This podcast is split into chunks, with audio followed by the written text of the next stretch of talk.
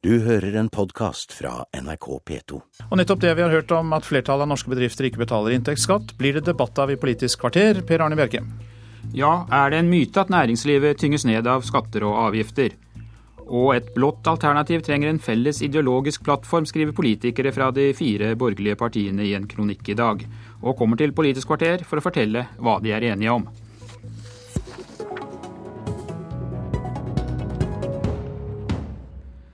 Som vi har hørt i Dagsnytt betaler seks av ti bedrifter ikke skatt. For noen er forklaringen så enkel at det ikke er noe overskudd å skatte av, men i mange tilfeller er det snakk om å utnytte smutthull i loven for å slippe skatt, og dessuten en god del rene skatteunndragelser. Nestleder og finanspolitisk talsmann i Høyre, Jan Tore Sanner. Hvis vi nå ser bort fra rene lovbrudd og bevisst skattesnyteri, så er det fortsatt slik at svært mange bedrifter slipper skatt. Hvilke endringer vil Høyre gjøre for å tette smutthullene i skatteloven? Ja, Vi mener jo at det, er, at det er nødvendig å gå igjennom eh, skattesystemet for å se om det er eh, hull som eh, legger til rette for uønsket eh, skatteplanlegging. Eh, men i tillegg så er det jo helt åpenbart at på dette området er det behov for internasjonalt samarbeid. Fordi at dette er en diskusjon som ikke bare går i Norge, men som vi har sett i, i mange land, bl.a. England. Hvor engelske bedrifter og engelske næringsdrivende har reagert kraftig på at multinasjonale selskaper gjennom internprising og internfakturering eh, nærmest ikke betaler skatt i England. Dette er urettferdig, og det rammer det nasjonale eierskapet. Da går spørsmålet til deg, SV-leder Audun Lysbakken. Dere har styrt landet i åtte år. Hvorfor har vi regler som gjør at bedrifter finner smutthull slik at de slipper unna skatt til fellesskapet? Heldigvis så er det gjort mye for å tette de hullene. Men åpenbart ikke nok?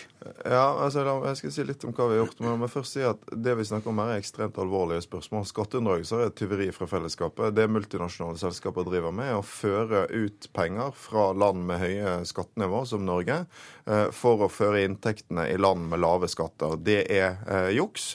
Det er ikke alltid det er direkte ulovlig, for de finner ulike hull. Eh, vi trenger å se på vårt eget skatteregelverk, men vi trenger også eh, internasjonalt samarbeid for å kunne gjøre noe med det.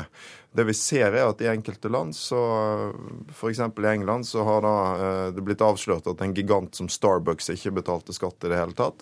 Nå har de sagt at de vil betale 20 millioner pund, men selskapsskatt skal jo ikke være frivillig. Selskapsskatt er noe alle skal betale. Og det som er alvorlig, er jo at det blir en forskjell på den lokale kaffebaren på hjørnet i Oslo eller Bergen og en multinasjonal gigant. Norsk næringsliv må betale skatt, mens utlendinger ikke må det. Eh, det betyr både at fellesskapet snytes for store verdier som kan brukes til helse og skole og vei og bane, og at norsk næringsliv får en ulempe i konkurransen. Sånn jeg tror at uh, Audun Lysbakken og jeg vi er enige om at man skal bekjempe skatteunndragelse. Jeg er enig i at uh, Eh, at det er eh, både lovbrudd og alvorlig.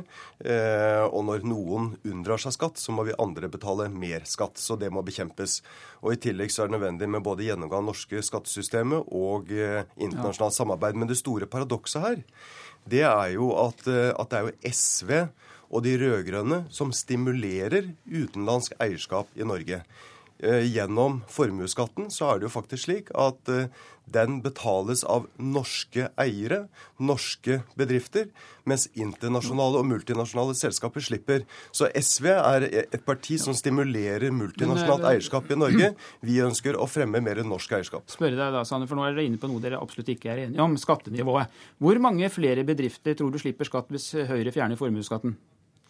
Ja, det, det, er jo ikke da bedrifter som slipper skatt, men det innebærer at du får en likebehandling mellom norskeide bedrifter og utenlandskeide bedrifter. Jeg var for en drøy uke siden og besøkte skraphandleren på Brumunddal.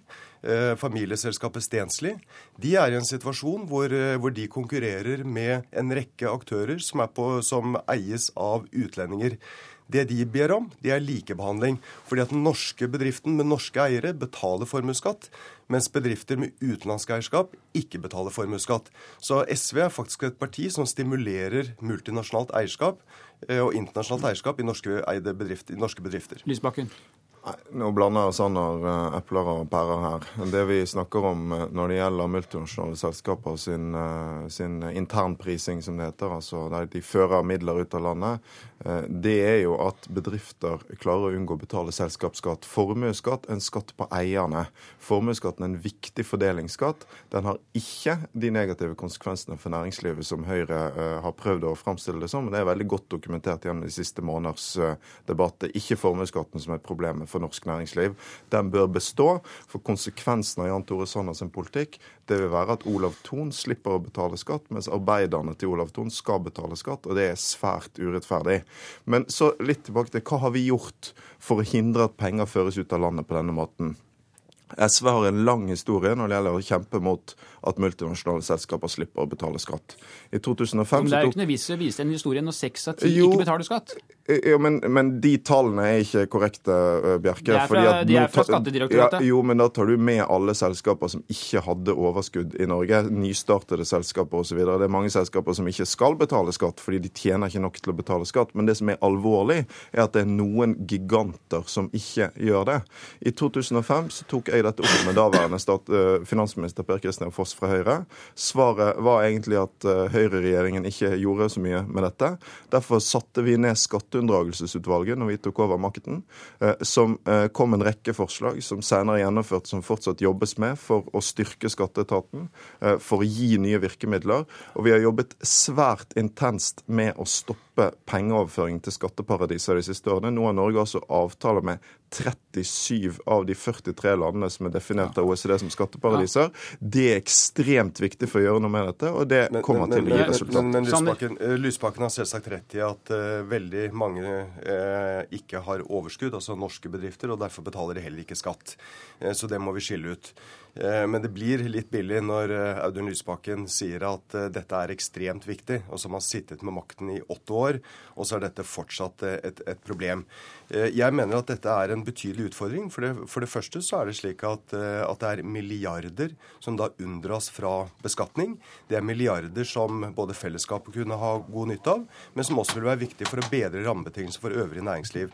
Dessuten så er det svært alvorlig i forhold til alle de norske næringsdrivende. og, det er, og Lysbakken mangler åpenbart totalt bakkekontakt når han ikke vet, når han ikke forstår, at for norske eide bedrifter så er det dypt urettferdig at de må betale formuesskatt, mens de multinasjonale selskapene slipper. Så her er vi både nødt til å se på skatteunndragelse og regler som tetter skattehull. Men vi trenger også regler som sikrer likebehandling av norske og internasjonale eiere. og Derfor må vi trappe ned formuesskatten. Lysbakken, svar, svar kort på, Vil du helst øke skattenivået for næringslivet? Sanner er veldig glad i å snakke om formuesskatten. Det er et ideologisk prosjekt for høyresiden for å gi skatteletter til de som er rikest i Norge fra før. Det som er problemet her, er at norske selskaper betaler selskapsskatt, mens utenlandske selskaper i noen tilfeller ikke gjør det. Da var det altså sånn at når vi hadde høyreregjering, så gjorde de ingenting med det. Vi har gjort mye med det. og Det er derfor det kommer opp nå. Fordi skatteetaten har prioritert dette arbeidet og viser at de får resultater. Hva må vi gjøre for å komme videre? Jo, vi må fortsette å styrke skatteetaten, fortsette å styrke arbeidet mot skatteparadiser, sånn som vi har gjort. Og så må vi ikke gjøre det Jan Tore Sanner og Høyre vil, nemlig innføre mer privatisering i velferden. I Sverige har det nettopp ført til at store summer er ført ut i skatteparadiser. Og vi må ikke gjøre det som dine borgerlige kamerater i Frp og Venstre vil, og kutte i skatteetaten, som vil gjøre problemene større. Dette er en total, total avsporing. Jeg tror vi kan glede oss over at Høyre og SV åpenbart er enige om at vi skal bekjempe skatteunndragelse gjennom å styrke skatteetaten. Det, det ønsker, ønsker, Høyre. At vi er nødt til å se på det norske skattesystemet for å se om det er hull som legger til rette for uønsket skatteplanlegging. Men så er, så er, vi åpenbart uenige om vi fortsatt skal ha en ulik beskatning av internasjonale og norske eiere. Vi ønsker å trappe ned formuesskatten slik at du får en likebehandling av norskeide bedrifter og multinasjonale ja, men, eh, selskaper. Lysbakken, helt til slutt, Kan du svare kort på det jeg spurte om? Vil du egentlig øke skattenivået for næringslivet? Ja eller nei? Nei, Vi har ikke foreslått det, men vi ønsker å beholde formuesskatten. Forskjellen på Sanner og min sin strategi er at jeg ønsker å sørge for at de utenlandske selskapene betaler like mye skatt som de norske, mens han tydeligvis vil trappe ned eh, norske eieres skattenivå, noe som verken vil løse dette problemet, ja. eh, løse problemet for næringslivet, men som samtidig vil bety mye skjevere fordeling i Norge. og det er godt. Jeg ønsker likebehandling. Takk for debatten, begge to.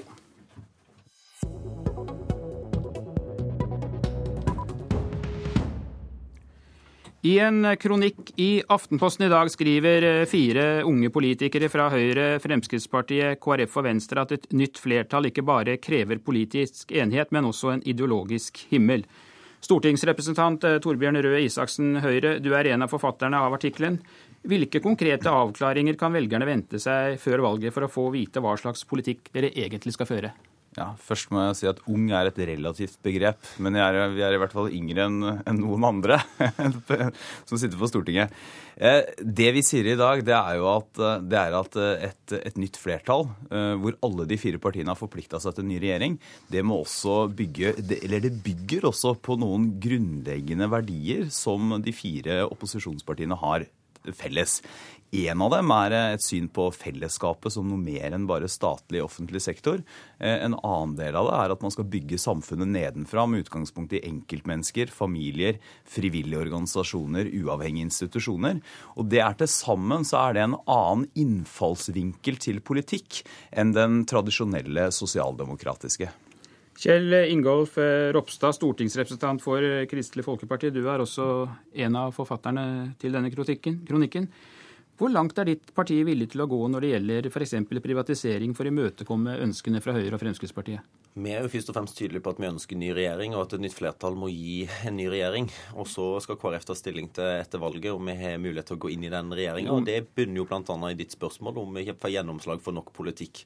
Og det vi gjør i kronikken i dag, er jo som Torbjørn sier, vi peker ut en retning. Og det mener jeg er viktig. Jeg tror ikke partiene kommer til å bli enige om en plattform med konkrete saker, men vi ønsker å peke ut en retning. Og da er det for KrF sin side viktig å peke ut at vi ønsker å bygge samfunnet nedenfra. Vi ønsker mer valgfrihet og frihet for enkeltmennesket, og at mer makt skal flyttes ned til familien. Vi skal la frivilligheten være fri osv. Det er viktig prinsipp. Stille deg et eh, konkret spørsmål om valgfrihet. En sak det har vært diskutert mye de siste dagene. Gjelder denne valgfriheten også retten til å kunne sitte på en bar og ta seg en øl klokka fire om natta, f.eks.? Det er jo en av sakene som jeg ikke mener. og Der går jo utover friheten til andre mennesker. Og, og KrF prioriterer tydelig at vi mener vi ønsker billigst mulig alkoholpolitikk. Og en billigst mulig alkoholpolitikk det betyr at du har restriktive grep, at du har en høyt avgiftsnivå, at du òg velger noen reguleringer som kan være med og bidra til å få ned voldsbruken, og, og verne om men, de som Blir ikke dette litt diffust, Røe Isaksen? Dere snakker da om en ideologisk himmel, mens når dere kommer til konkrete saker, så klarer dere ikke å få til noen avklaringer. Ja, men, men, det er jo en grunn til at vi ikke har skrevet en tosiders kronikk i Aftenposten om å sitte på bar klokka fire om natta. Eh, altså, dette her, ja, ja, men dette er, jo, dette er et utgangspunkt i et veldig enkelt faktum, nemlig at vi fire opposisjonspartiene har alle sagt én ting, nemlig at blir det et nytt flertall ved valget neste år, så blir det også ny regjering. Det kronikken i dag handler om, det er en viktig del av politikken, nemlig at vi også har noen grunnleggende ideologiske betraktninger som vi deler. Men det betyr ikke at alle vanskelige spørsmål er vurdert. Det betyr ikke at vi har sittet og forhandla om en regjeringsplattform. Men det betyr rett og slett at et nytt flertall som skal gi en ny regjering, det er ikke bare et tvangsekteskap eller noe man skal gjøre for å få lov til å kjøre svarte regjeringsbiler. Det handler også om noen grunnleggende ideologiske innfallsvinkler til politikken. Bl.a. dette med enkeltmenneske og valgfrihet, bygge samfunnet nedenfra, sterke frivillige fellesskap, som skiller oss, mener jeg, i hvert fall eh, er en annen innfallsvinkel til politikk enn det de rød-grønne har. Ropstad? Ja, og det viktige jo å, påpeke er jo at eh, for oss så betyr det jo at en ny regjering må peke ut en ny retning. Og jeg, vi er jo åpna på at vi er forskjellige partier. Det er en grunn for at vi bygger på kristendemokrati, andre bygger på liberalismen. Men så er det noen retninger på politikken som vi ønsker å vri, og de oppsummerer vi godt. Ny, i den ny retning, sier du nå, men hvor langt er da KrF villig til å gå i liberalistisk retning for å bli enig med Fremskrittspartiet? Det kommer jo an på når en eh, ser oppslutning på partiene, og i det hele tatt om det er vits i å tilnærme seg Frp i de ulike konkrete sakene. Det vi har sagt, er jo at vi, vi ønsker ny regjering med tyngdepunkt i sentrum med Høyre, først og fremst. Og så er det lite sannsynlig at alle fire partier blir enige, ifølge, ifølge KrF. Og, og derfor så er det jo uansett, sånn som jeg tenker, viktig å peke ut den retningen som vi ønsker å dra samfunnet. Og så er det jo demokratisk òg på den måten at eh, når en gjennomfører et valg, så vil en da se er tyngdepunkt i de ulike regjeringene, de det er ulike partiene, og da vil du òg kunne forhandle om de ulike posisjonene. Så tror jeg veldig- du peker på retningen først og fremst. Og det ville være veldig udemokratisk hvis man bare skulle avlyse valget. Det er klart at Hvor mye gjennomslag KrF vil få med et nytt flertall som skal gi en ny regjering, det vil jo avhenge av KrFs oppslutning. Så man kan ikke sitte nå og, og, og snakke om f.eks. Ja, alt fra alkoholpolitikk til fattigdomspolitikk uten at velgerne har fått Jo. sagt sitt. Det er jo de som skal sette sammen eh, uten at man styrke. Uten man skal avlyse valget, er det ikke, bør ikke velgerne få vite noe mer konkret enn noen sånne løse formuleringer om en felles Jo, ideologisk himmel? Velgerne, velgerne ser jo også at de borgerlige partiene, eller ikke-sosialistiske partiene, skriver seg sammen i stadig flere saker på Stortinget. Næringspolitikken, skolepolitikken, arbeidslivspolitikken. Vi kan nevne i fleng. I miljøpolitikken til og med, så har jo de fire partiene kommet ganske nær å finne felles standpunkter også. Og da må jeg si takk til dere. Det var Politisk kvarter. Klokka 13 så kommer statsministeren til Stortinget for å redegjøre for terroraksjonen i Algerie. Og denne redegjørelsen overfører vi direkte her i P2 og Alltid nyheter. Det er, nå fortsetter snart Nyhetsmorgen. Mitt navn er Per Arne Bjerke. Du har hørt en podkast fra NRK P2.